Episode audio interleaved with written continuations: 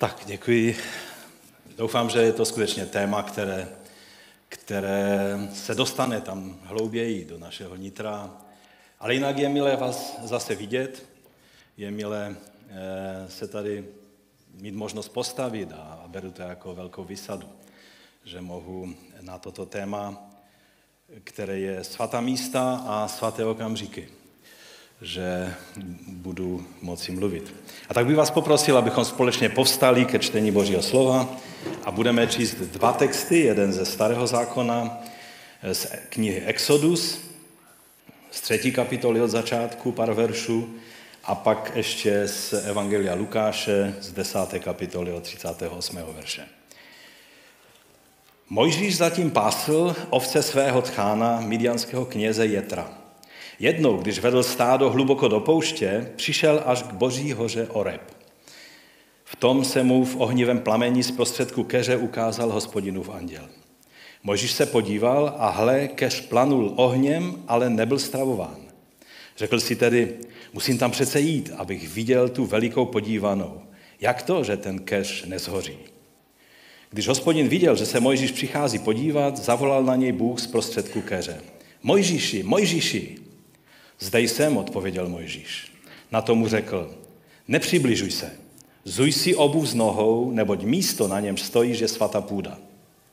A potom řekl, já jsem Bůh tvého otce, Bůh Abrahamův, Bůh Izákův a Bůh Jakubův. Mojžíš si i hned zakryl tvář, neboť se bál pohlédnout na Boha. A ten text z Evangelia Lukáše. Cestou přišel do jedné vesnice, kde ho k sobě přijala jistá žena jménem Marta. Její sestra Marie se posadila k pánovým nohám a poslouchala jeho slova. Marta však byla zaneprázdněna spoustou práce. Nakonec za ním přišla a řekla, pane, tebe nezajímá, že má sestra nechala všechnu, eh, všechnu práci na mě? Řekni jí přece, ať mi pomůže. A pán jí odpověděl, Marto, Marto, staráš se a trápíš se mnoha věcmi. Jen jedno je však třeba. Marie si vybrala, vybrala správně a to jí nikdo nevezme. Tak tě prosíme, pane, aby si požehnal a zapečetil své slovo v našich srdcích a proměnil je v praktický život v nás. Chceme prožít to, co prožil Mojžíš i co prožila Marie a Marta ve tvé přítomnosti. O to tě, Otče, prosíme ve jménu našeho Pána Ježíše Krista. Amen. Amen. Můžete se posadit? Možná si tak kladete otázku, jak tyto dva příběhy, které jsou vzdálené od sebe 1500 let, jak mohou spolu souviset? Ten jeden, ten první příběh je mimořádný, nadpřirozený, dějinotvorný od samého začátku až do konce, že? A ten druhý je takový celkem obyčejný. Prostě návštěva u přátel. Nic, co bychom neznali, že? Přesto mají tyto dva příběhy mnoho společného a já doufám, že na konci toho kázání mi dáte za pravdu. Pokud byste hledali nějaký širší kontext eh, toho, o čem budu dnes mluvit, pak eh, budu dost hodně navazovat na kázání Svatá země, které jsem měl 25. Eh, září v roce 22. A tak bych chtěl trošku zaspomínat, jak jsme na podzim, a mluvil jsem tady o tom svědectví, jak jsme na podzim s klukama byli v Mezopotámii a byli jsme tehdy v městě Nisibis, a to je starobylé křesťanské město, jedno z center křesťanství na hranici mezi Římskou říší a mezi Persí a někdy to bylo pod Římem a někdy to bylo právě pod sasanickou Persí. A když jsme tam tehdy byli a když jsme se setkali s bratrem Danielem, to je ten bratr, který mluví s, s Olešem a s Benem a s Kalebem, eh, který je takovým pokračovatelem té dlouhé linie křesťanů v tom městě. Když jsme pak vstoupili do krypty jednoho z církevních otců, eh, evangelistů eh, z počátku čtvrtého století, spíš konce třetího a počátku čtvrtého století, Jakuba z Nisibis. On byl synem jednoho z knížat, vyrostl ve velice bohatém prostředí, ale všeho se vzdal a stal se chudým mnichem, později biskupem, který měl obrovský vliv na celou tu oblast. Mezi jinými se účastnil Nikajského koncilu, kde se odvážně postavil Ariovi. Eh, Arius to byl ten, kdo odmítal Ježíšovo božství, že? A nikajské vyznání dodnes křesťané vyznávají jako vyznání víry. A on tehdy se postavil velice jednoznačně za biblické učení. Byl duchovním otcem známého církevního otce Efrema Serského, který ho nazýval eh, toho Jakuba, že byl Mojžíšem Mezopotámě. Takový vliv měl na celou tu oblast. Pak jsme se dozvěděli od Daniela, že ta krypta byla vlastně původně baptistériem a v té chvíli jsem ucítil obrovskou vděčnost.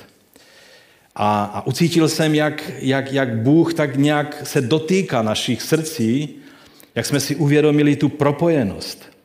Že tam procházeli mnozí lidé kštem skrze tuto kryptu a stávali se učedníky Ježíše. Uvědomil jsem si velikost a velkolepost Božího království, které nakonec eh, v den páně zavládne na celé země tváří. I tam, kde bylo krutě a krvavě potlačeno islamskými džihadisty už tehdy a dodnes eh, jsou křesťané ve veli, pod velikým tlakem v této oblasti. Uvědomil jsem si v té chvíli, že, že je to vlastně svatá chvíle, svatý okamžik který nemáme propasnout, ale máme ho prožít a, a, a přijmout to, co nám Bůh chce skrze tuto zkušenost dát. Podobný prožitek jsem měl v Hernhutu, když jsme tam byli spolu. Ti, co jste tam byli, tak si určitě vzpomenete, jak jsme byli na té věži a dívali jsme se do toho údolí, kde byl Hernhut, do údolí, kam přicházeli Eh, naši bratři a sestry a tam nacházeli útočiště také před pronásledováním. A zbytek už, jsou, zbytek už je historie, to známe. A taky jsem tam prožil ten zvláštní okamžik té sounáležitosti. Také u hrobu knířete Cincendorfa. Tak jsme si uvědomovali, jak jsme propojeni skrze staletí a s těmi místy. Mohl bych mluvit o mnohých takovýchto okamžicích a mnozí z vás jistě také. Několik takových zastavení jsem prožil kdysi při různých návštěvách Izraele. A tak bych chtěl zase tam zajet a zase e, prožít nová setkání, nové momenty, zastavení. A kdybych o tom všem mluvil, tak bych to dnešní kázání nedokončil, takže mi dovolte, že půjdu dál.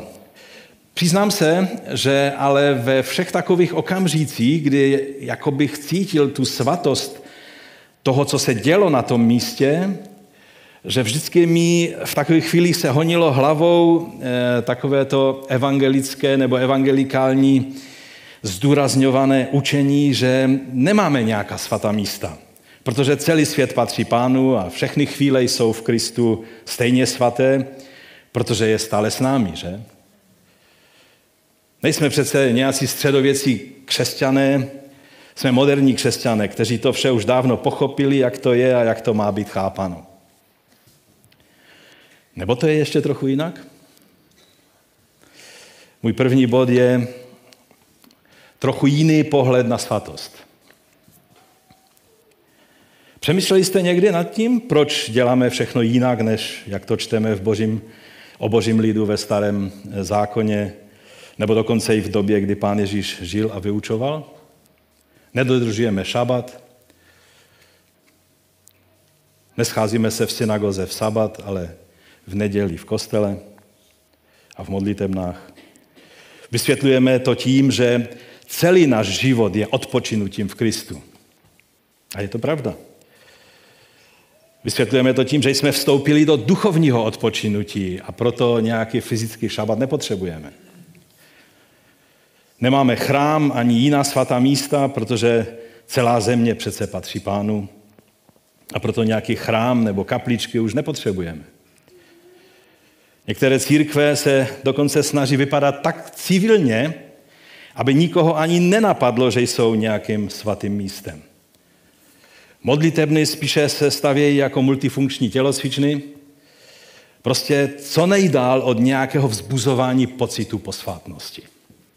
Slyšel jsem mnohé takové vysvětlování, že, že eh, ti pastoři, kteří mi to takhle vysvětlovali, nechtějí, aby když člověk vstoupí do toho sálu, který je určen jenom pro zhromažďování, pro bohoslužby, aby člověk cítil nějakou prostě náboženskou posvátnost. A přiznám se vám, že méně a méně s takovými lidmi souhlasím.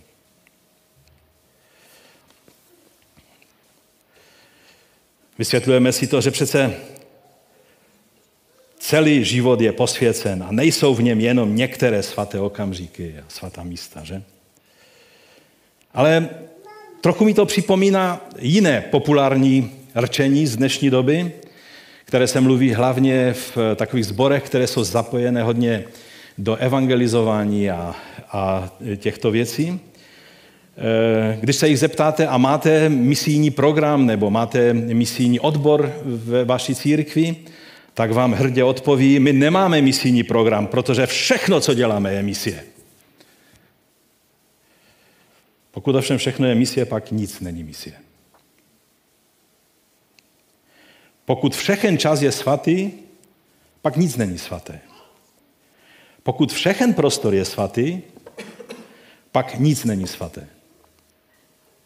Víte proč? Chcete to vědět? Protože samotnou podstatou svatosti a posvátnosti je to, že je to oddělené od nesvatých věcí. Že je to oddělené pro onu jinakost toho jiného Boha, onoho jediného Boha, jiného, jediného nestvořeného stvořitele, který se liší od všech jiných bytostí, které si kdy říkali bohové jsme. To je podstata slova svatost. Hebrejské slovo pro svatost nebo něco svatého je slovo kodeš. My jsme zpívali katšo, to je e, vlastně slovo, které, které je v podstatě forma toho stejného slova. Svatý jako adjektivum je kadoš. Je to jako v, u Izajaše v 6. kapitole ve třetím verši je svatý, svatý, svatý. Kadoš, kadoš, kadoš. Znamená to oddělený ve smyslu pos, popsaném eh, v různých eh, odborných lexikonech bychom mohli vyčíst, že, že, je, že to znamená vyňatý z běžného užívání. Se zvláštní péči. Patřící ke svatyni. A nebo jeden z hlavních významů, zasvěcený k použití Bohem. Oddělený zasvěcení k použití Bohem. To znamená slovo svatý. Pokud tedy říkáme, že církev je svatá, pak to musí znamenat z principu oddělena od toho, co není svatým prostorem. Ať se to nám moderním křesťanům líbí nebo ne. Slyšel jsem příliš hodně názorů, Eh, třeba některých pastorů, že jsou pastoři celého města, protože rozdělovat lidi na ty církevní a na ty mimo církev je prostě nepatřičné. To odpuzuje lidi. No já si nemohu poradit. Možná, že to odpuzuje lidi, ale realita je taková, že pokud církev je svatá a ona musí být svatá, jinak není církev, pak musí být oddělena od toho, co není svaté.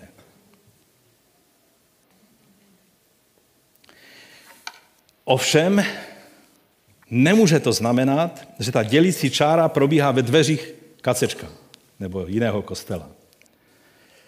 Protože církev to jsou lidé a ne budovy, amen?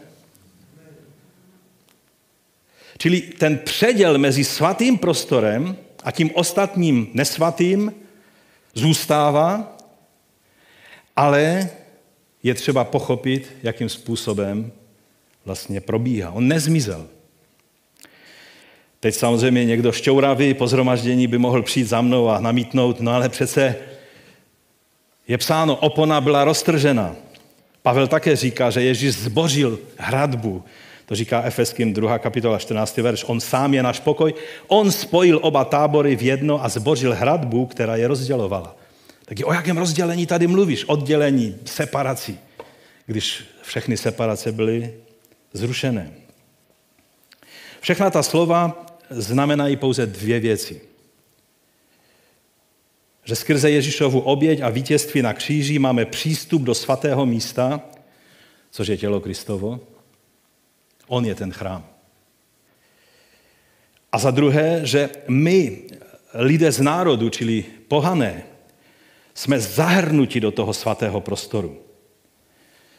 Ale když bych, se více, když bych to více rozvíjel, to by bylo nové téma a tam se dnes nechci pouštět. Pojďme dál.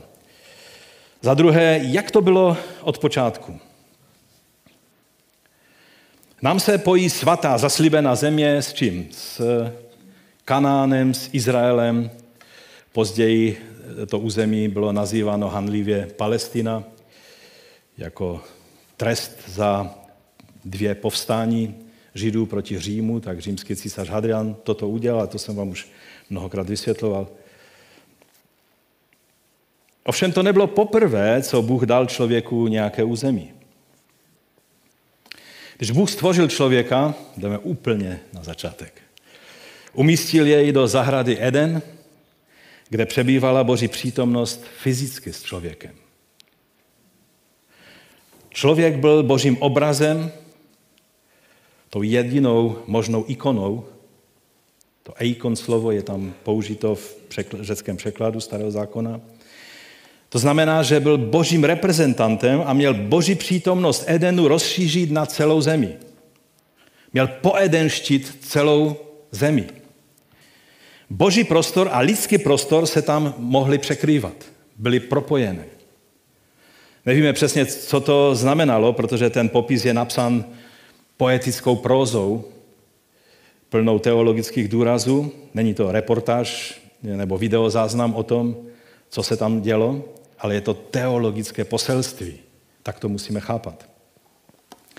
Ale například právě to, když je řečeno, že Bůh chodil s člověkem v odpoledním vánku, tak je to fascinující koncept. Toho obecenství, toho společenství, které Bůh měl s člověkem. Nebyla žádná zábrana, aby byli spolu a měli obecenství. Bůh chtěl být s člověkem, mít s ním obecenství. To je absolutně diametrálně odlišný koncept, než jak učí třeba islám. Možná vás to překvapí, ale v islámu je Bůh vzdálen člověku. Každé pomyšlení na nějaké přiblížení se k Bohu je téměř rouhavá myšlenka. To, že by se Allah procházel člověkem, to absolutně není možné v konceptu anebo v chápaní, v představách islámu. Ovšem to je základní myšlenka jak judaismu, tak i křesťanství. Že Bůh touží být člověkem, chce být v jeho přítomnosti a člověk touží po Bohu. Když byl člověk vyhnán z Edenu, ztratil Boží přítomnost ve svém životě a stal se smrtelnou bytostí. To se stalo v tom momentě, kdy musel opustit tenhle překrývající se prostor, stal se smrtelníkem. Stejně jako zbytek stvoření. Ale Bůh se toho vztahu s člověkem nevzdal. Povolal Abrahama a zaslíbil mu zemi, která bude svatým územím, místem, kde se bude zjevovat jeho přítomnost. V tom příběhu, který jsme četli z knihy Exodus, Bůh přikázal Mojžíšovi, aby si před hořícím keřem sundal sandály, protože země, na které stál, byla svatá. Tento takový jednoduchý projev úcty Mojžíšovi připomínal boží svatost, svatost jeho přítomnosti a také i potřebu pokory, když se k Bohu přibližuje. Zároveň to, že zde byla boží přítomnost, jeho přítomnost, to místo, kde Mojžíš zrovna stál, posvěcovala. Nejen ten keš, ale i celý ten prostor kolem. Oddělovala od ostatního území Midianu což je dnesní Saudská Arábie, kde Mojžíš dělal svou všední práci. Pasil ovce u svého tchána, že? To dobří zeťové vždycky dělají. Pak se na stejném místě Boží přítomnost zjevila celému izraelskému národu. Bůh s nimi uzavřel smlouvu a tím je oddělil od ostatních národů. Dostali Tóru a měli vystavět Bohu stánek umluvy. Jako boží příbytek byl stánek také obrazem nebo obdobou ráje, Edenu. Stejně jako Eden byl i svatostánek, tak to vysvětluje třeba profesor Heiser. Byl svatostánek koncipovan kosmicky, byl místem, kde se setkávalo nebe a země, skutečným mikrokosmem rajského stvoření, kde Bůh původně přebýval na zemi. Mezi Edenem a svatostánkem existuje mnoho jemných souvislostí, vysvětluje profesor Heiser, z níž některé jsou patrné ovšem pouze z hebrejského textu. Nám v češtině eh, my je tam nemáme možnost vidět. Pak Izraelci nosili sebou stánek, že? A archu umluvy, mám tam nějaký obrázek k tomu. A kdekoliv se oblak boží přítomnosti zastavil, tak se zastavili i oni a co udělali? Postavili tam stánek a, a do svatyně svatých dali archu, že? A to místo se tím e, to okamžikem stalo svatým místem. Když vstoupili do zaslíbené země, celá tato země byla svatá, protože byla a je dodnes boží. Je velice jednoznačně řečeno v Tóře, že ta země je moje, říká Bůh. To znamená, že Izraelci nemůžou rozdávat, komu se jim zlíbí, nebo někdo si ji nemůže vzít. Ona byla svěřena Izraeli, ale patří Bohu. Proto můžeme vidět ten iracionální až apokalyptický zápas v dnešní době o toto území, kdy se provolává od řeky k moři, jen dokládá onen duchovní boj, který probíhá v pozadí promiňte, celého toho konfliktu. Ale to je na jinou debatu. Pak si Bůh vybral ehm, v rámci té země jedno konkrétní místo, kam složí své jméno. E, to znamená svoji přítomnost. A to bylo město Jeruzalém.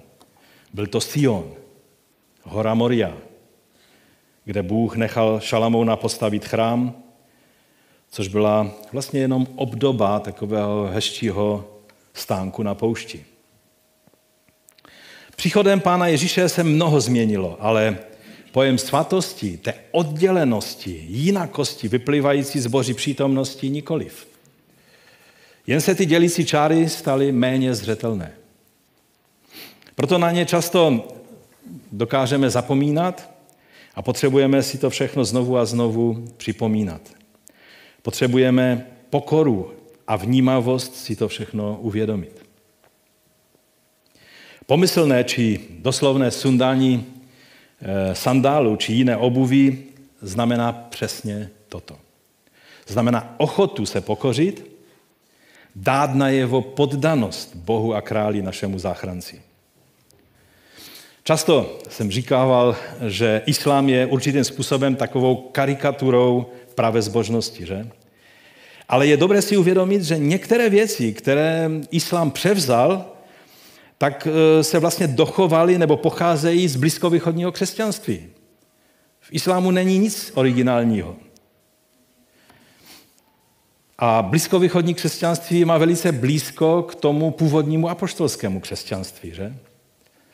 Když se muslim klání, nebudu to tady předvádět, protože to je docela složitá gymnastika, ale když se, když se muslim klání, tak eh, to dělá velmi blízkovýchodním způsobem, který nevymyslel Mohamed, ale raní křesťané a židé.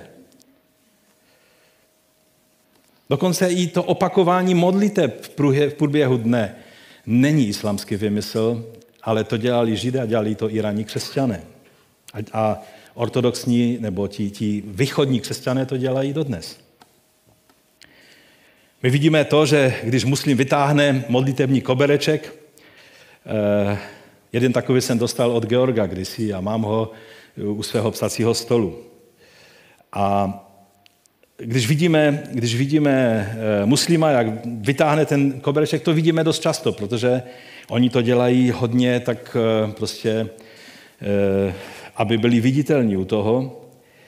Ale nevidíme mnohé orientální křesťany, kteří dělají totež, ale méně okázalým způsobem. Možná vás to překvapí, ale je to tak. Je to taková daleká ozvěna toho, co zde v tom příběhu vidíme u Mojžíše a mohli bychom to vidět i, jak jsem už řekl, v mnoha východních církvích, kde se sundává boty v modlitevně. Třeba v kopské církvi, v etiopské, v indické ortodoxní církvi, té Tomášové církvi a tak dále. Třeba nejstarší takové modlitební koberečky, které se dochovaly od arménských křesťanů, tak byste našli v muzeích v Azerbajdžánu. Není to vliv islámu, ale opačně. Je tím vyjádřeno poddání se Bohu a také ten kousek toho svatého prostoru, že? V Biblii to vidíme velice výrazně na příkladu, který už jsme tady i já, i Indra několikrát vzpomínali, e, a to příklad syrského generála Namána, uzdraveného prorokem Elíšou, který si vzal zásobu izraelské půdy, že? aby se mohl klanět Bohu Jahve na svaté půdě, protože on věděl, že izraelská půda je vhodná pro uctívání Jahveho a proto chtěl mít tuto půdu, protože zjistil, jak on to tam říká, že jediným Bohem je Jahve. Vidíme, že Náman přesně pochopil, jak to je. A proto byl Bůh k němu velice velkorysý. Není nám sice řečeno, zda Náman šel domů a rozprostřel tu hlinu na podlahu nějakého pokoje svého domu. Nevíme, jak se vypořádal s povinností doprovodit, jestli si vzpomínáte z toho příběhu, že doprovázel ze starého krále do Rimonova chrámu. To, Rimon to je prostě eh, eh, božstvo eh, aramejců. Možná sebou nesil po kapsách trochu té hlíny, jako závazek věrnosti Bohu Jahve, když šel do chrámu Rimona. Já si to takhle představuju že, že tím dal najevo jeho lojalnost vůči Jahvemu. Každopádně je zřejmé, že hlína byla jeho silným teologickým prohlášením. Že? Izraelská hlína byla prostředkem, kterým Náman projevil svou víru a dodržel slib pravému Bohu, Bohu Jahve.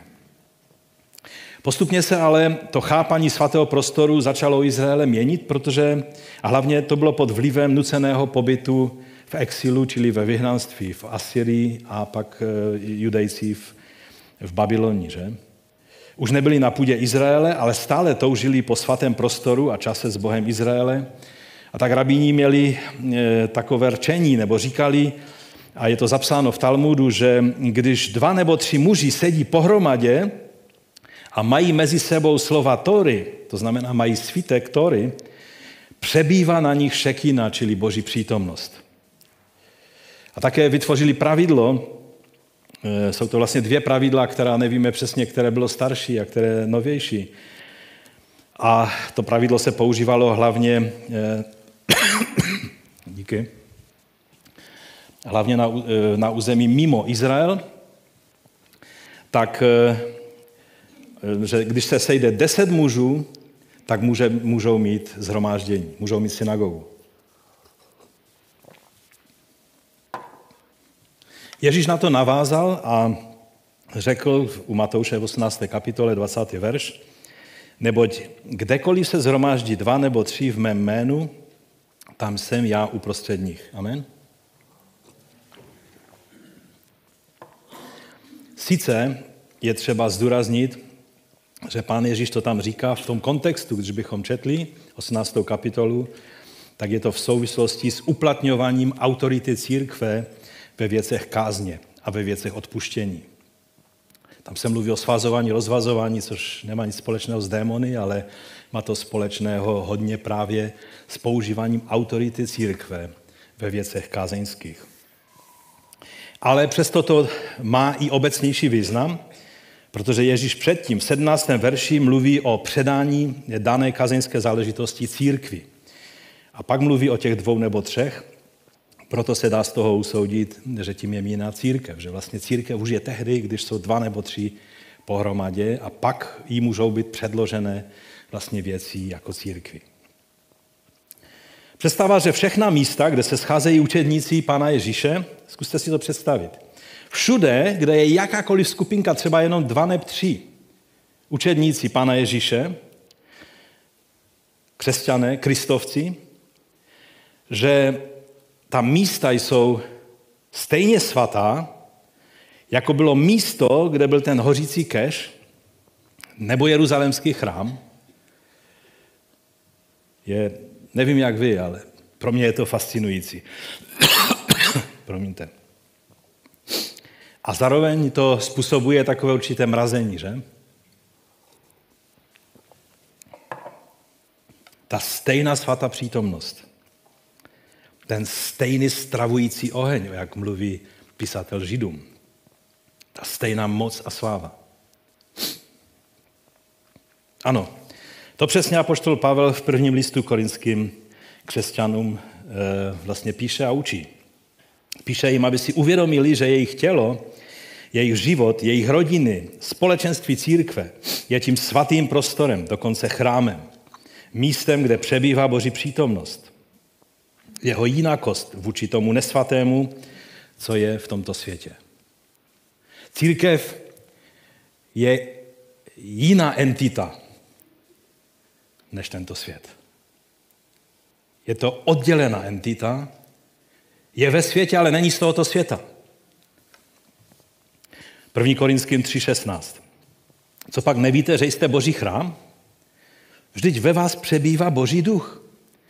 Kdokoliv ničí boží chrám, toho zničí Bůh. Neboť boží chrám je svatý a to jste vy.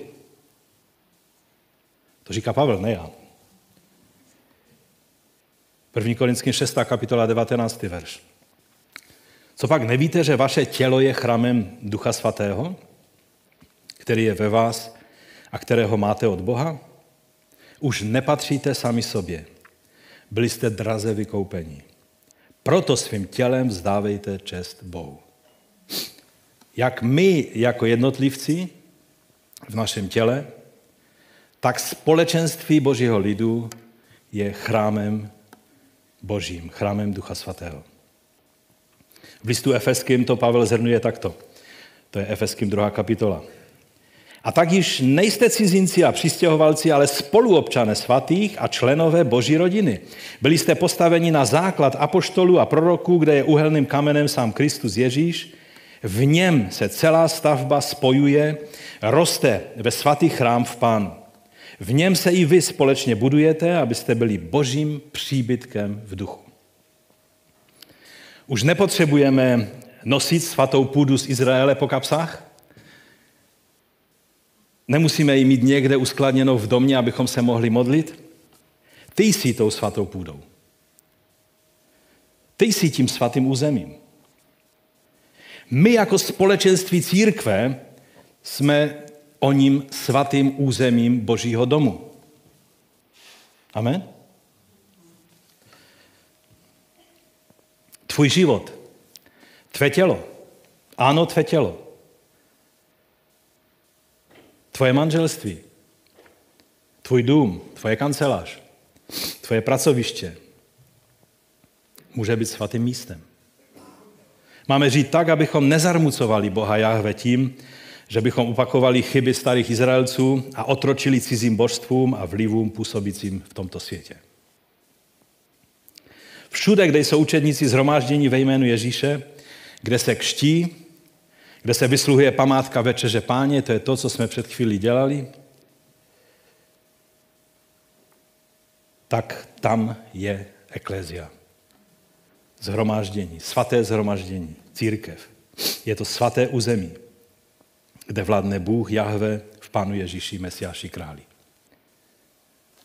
Nezáleží, a to je zajímavá věc, a možná nebudete se mnou souhlasit, ale že ve světě, co je větší, vlivnější, tak to má větší, větší sílu, že?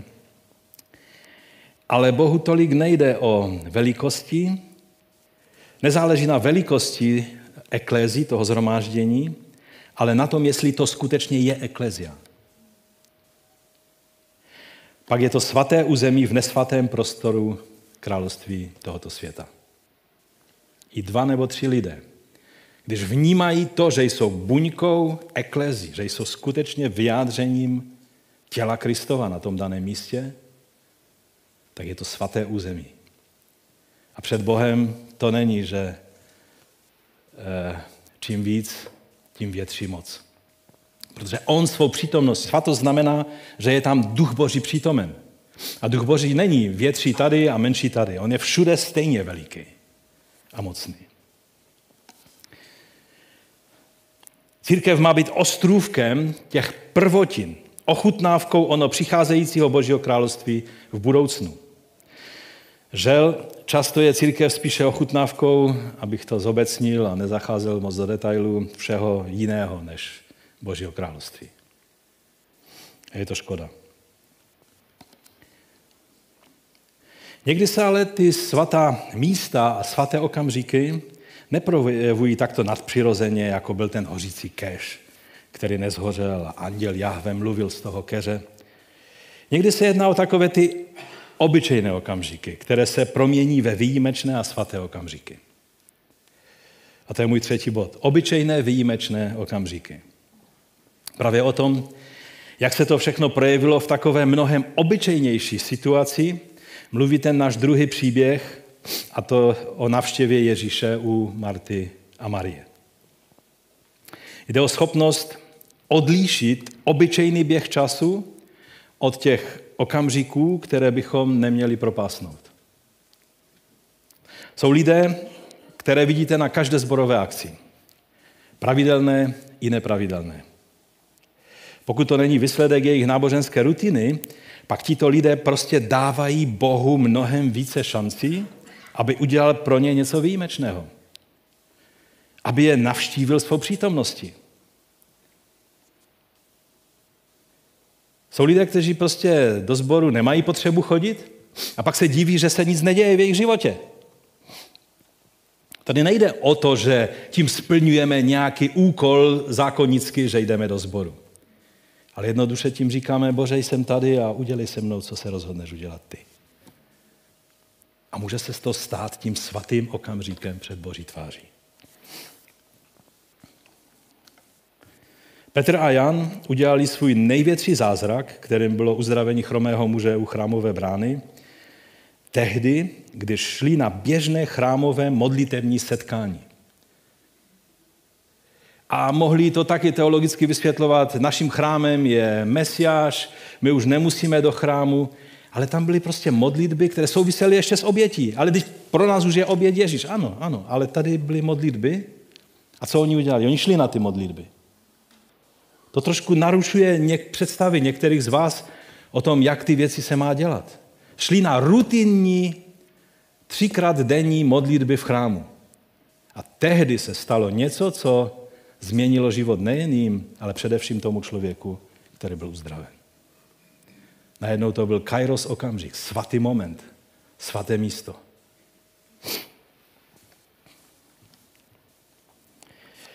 Jeden významný židovský rabín, Abraham Heschel, spisovatel, varšavský rodak, za druhé světové války přežil jako jediný z celé své rodiny.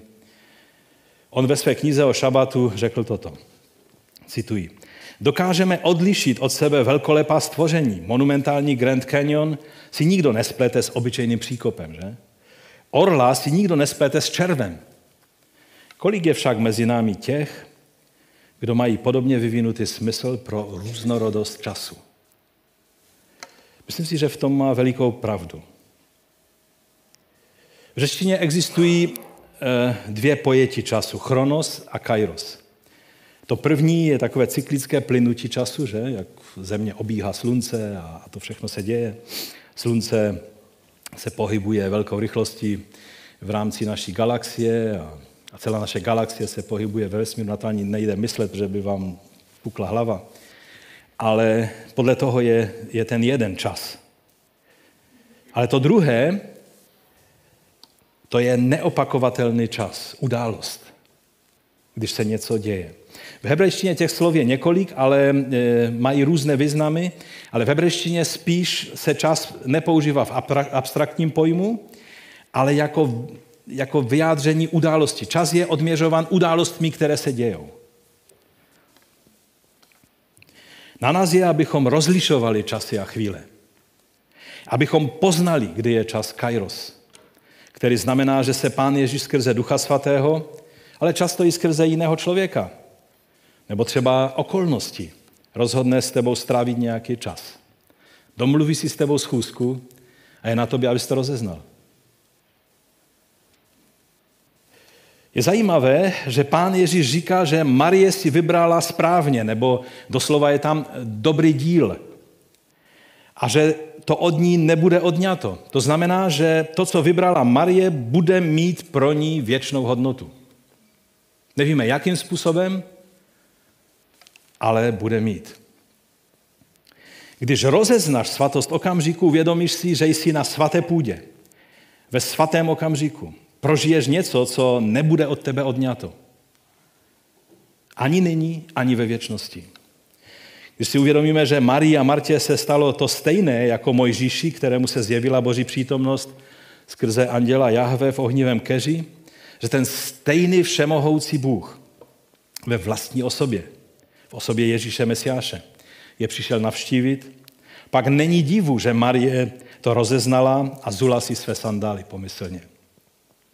Ona to udělala tím způsobem, že se posadila k nohám svého mistra.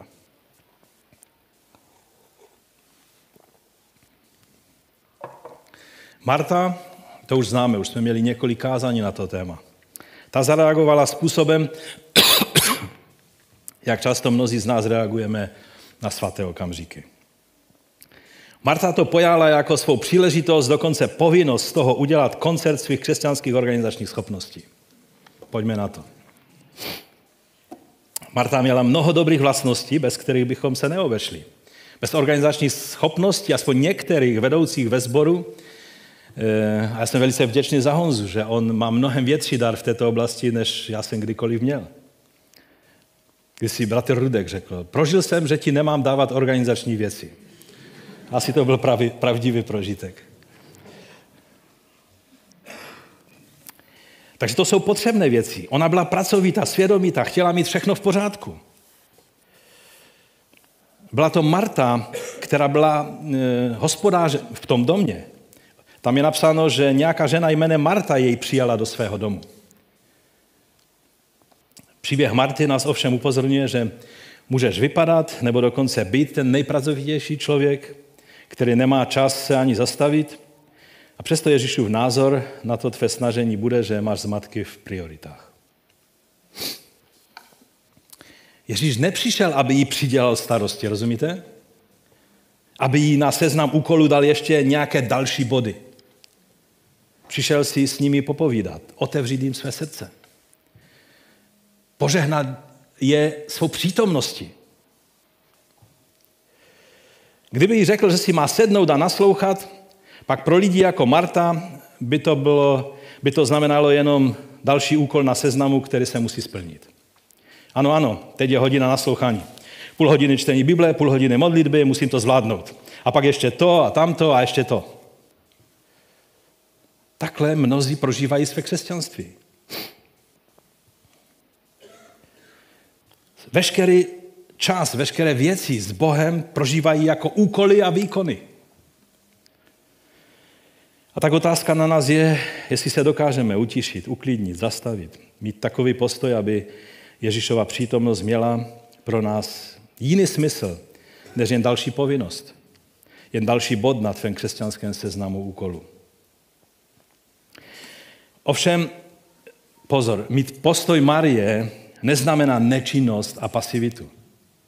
Jen proto, že nic neděláš, jen tak posedáváš a mudruješ, a vyhledáváš výmluvy, proč, nic nejde, neznamená, že jsi Marie.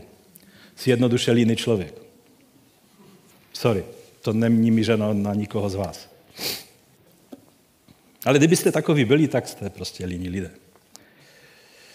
Marie je aktivní člověk, ale ví, kdy je čas na zastavení se ve svatém okamžiku setkání s Bohem. Ví, kde je to svaté místo. Ať už pravidelné, jako jsou zhromáždění, neopouštějte společná zhromáždění. Proč? Protože je to svaté místo, setkání s Bohem.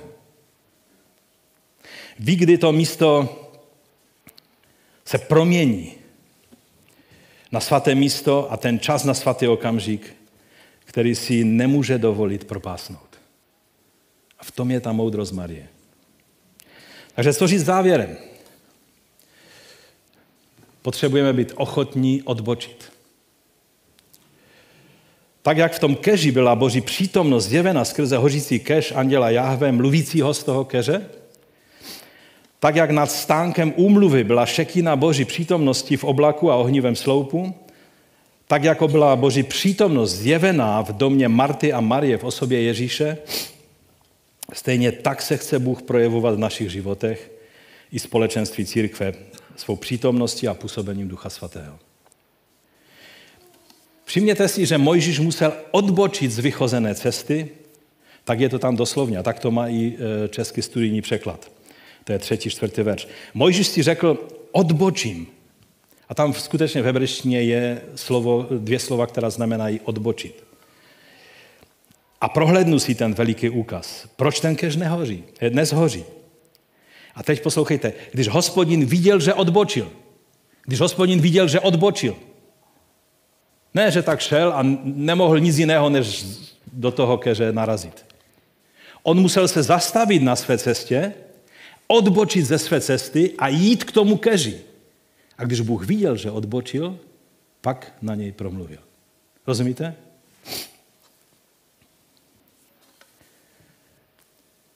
Pak na něho zavolal Bůh, když viděl, že odbočil. Mojžíši, Mojžíši. A on odpověděl, tady jsem. Marie musela všeho nechat a posadit se po způsobu pozorného učedníka u nohou svého rabího. U nohou seděli učedníci svých rabínů. Ovšem pro Marii to znamenalo udělat něco, co se od ženy v tehdejší době absolutně neočekávalo. Byly naprosto výjimečné situace, kdyby bylo ženě dovoleno takhle studovat. Marie vlastně také odbočila z vychozeného chodníčku tehdejších zvyků, protože rozeznala svatý okamžik a věděla, že je na svatém místě. A tak je otázka, kdy to bylo naposledy, co jsi takto rozeznal nějaké svaté místo, nějakou chvíli, kterou ti Bůh připravil. Jsi ty i tvůj život tím svatým prostorem, kde se může projevovat přítomnost Pána Ježíše skrze Ducha Svatého? Nedávno tady Aleš mluvil o tom, jak Petr způsobil tím vykročením z loďky, že se z toho všeho stalo svaté místo, kde všichni ostatní učedníci uviděli tu svatost. A říkali, kým on jenom je. Nemluvili o Petrovi, mluvili o Ježíši. Jeho krok způsobil, že oni viděli Ježíše. A tak je před námi výzva.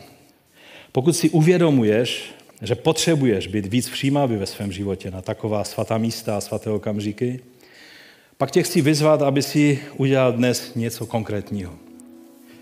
Možná si to ještě nikdy neudělal a bude to vlastně poprvé, co poprosíš Boha do svého života. I to je správný okamžik pro takovouto věc. Ale pro většinu z nás to bude nové, čerstvé uvědomění si potřeby být více všímavý, více otevřený na boží impulzy. Být jak Mojžíš ochoten odbočit ze své vychozené cestičky a rutiny a přesvědčit se, co se ti Bůh snaží sdělit.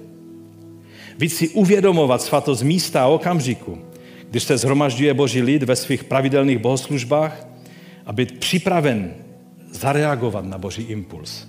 Už tady Aleš vlastně mluvil na začátku, eh, teda eh, Ariel mluvil na začátku o tom. Chceš být připraven jako Petr a Jan u chrámových dveří, když tě Bůh nutká k tomu, abys udělal něco výjimečného nějaký krok víry, nějaké nové rozhodnutí před pánem. Pokud s tím, co jsem teď říkal, se můžeš stotožnit, tak povstaňme teď společně. A pokud se můžeš s tím stotožnit a ve tvém srdci je touha, pane, chci být víc vnímavý, chci být víc otevřený na tvé impulzy, víc si uvědomovat svatá místa a svaté okamžiky, které dáváš do mého života, pak pojďme udělat jednu věc.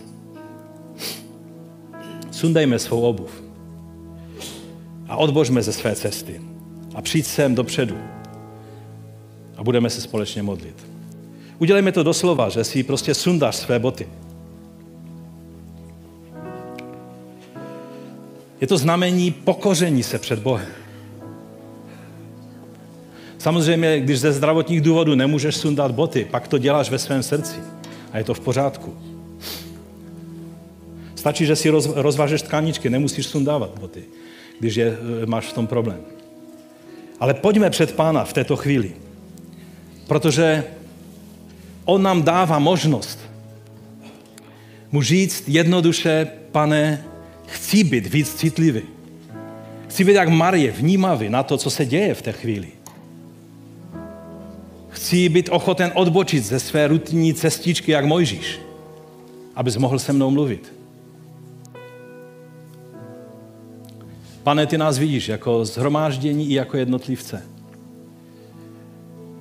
My teď stojíme před tebou a prosíme tě,